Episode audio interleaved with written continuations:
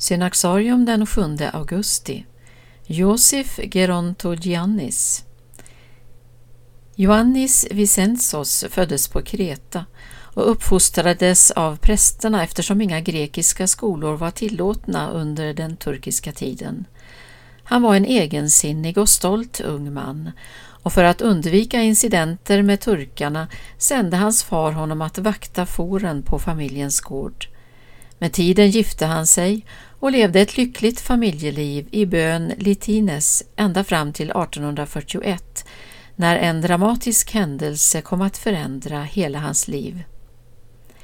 På långfredagen det året föll Johannis i djup sömn som varade i 43 timmar. Han kunde inte väckas. När han sedan vaknade utan minsta tecken på utmattning eller förvirring berättade han att han hade tagits upp till himlen där han vägletts av en ängel och fått se underbara och obeskrivliga ting. Efter denna upplevelse fick han också rykte om sig att kunna bota sjukdomar. Det första under som skedde genom hans förbön var helandet av en äldre kvinna i byn som varit förlamad i åtskilliga år. Från alla håll strömmade nu människor till Litines för att få förbön av Johannis.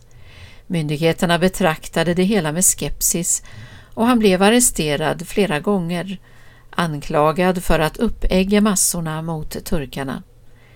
Men efter att ha botat den turkiske kommendantens mor i Iraklion, liksom ett barn till en ledare i Sitia, fick han tillåtelse att fortsätta sin verksamhet, men på en avlägsen plats. Han lämnade sin familj och bosatte sig i en grotta nära klostret i Kapsa på östra Kreta där han levde i 17 år. Många munkar och andra besökte honom för att få hans välsignelse. Under fem år arbetade han på att renovera klostret Hagia Sofia i Armenos och återvände sedan till Kapsa för att bland annat ägna sig åt renoveringsarbeten. När klostret återinvigdes blev han vigd till munk med namnet Josef. Hans reliker bevaras i klostret.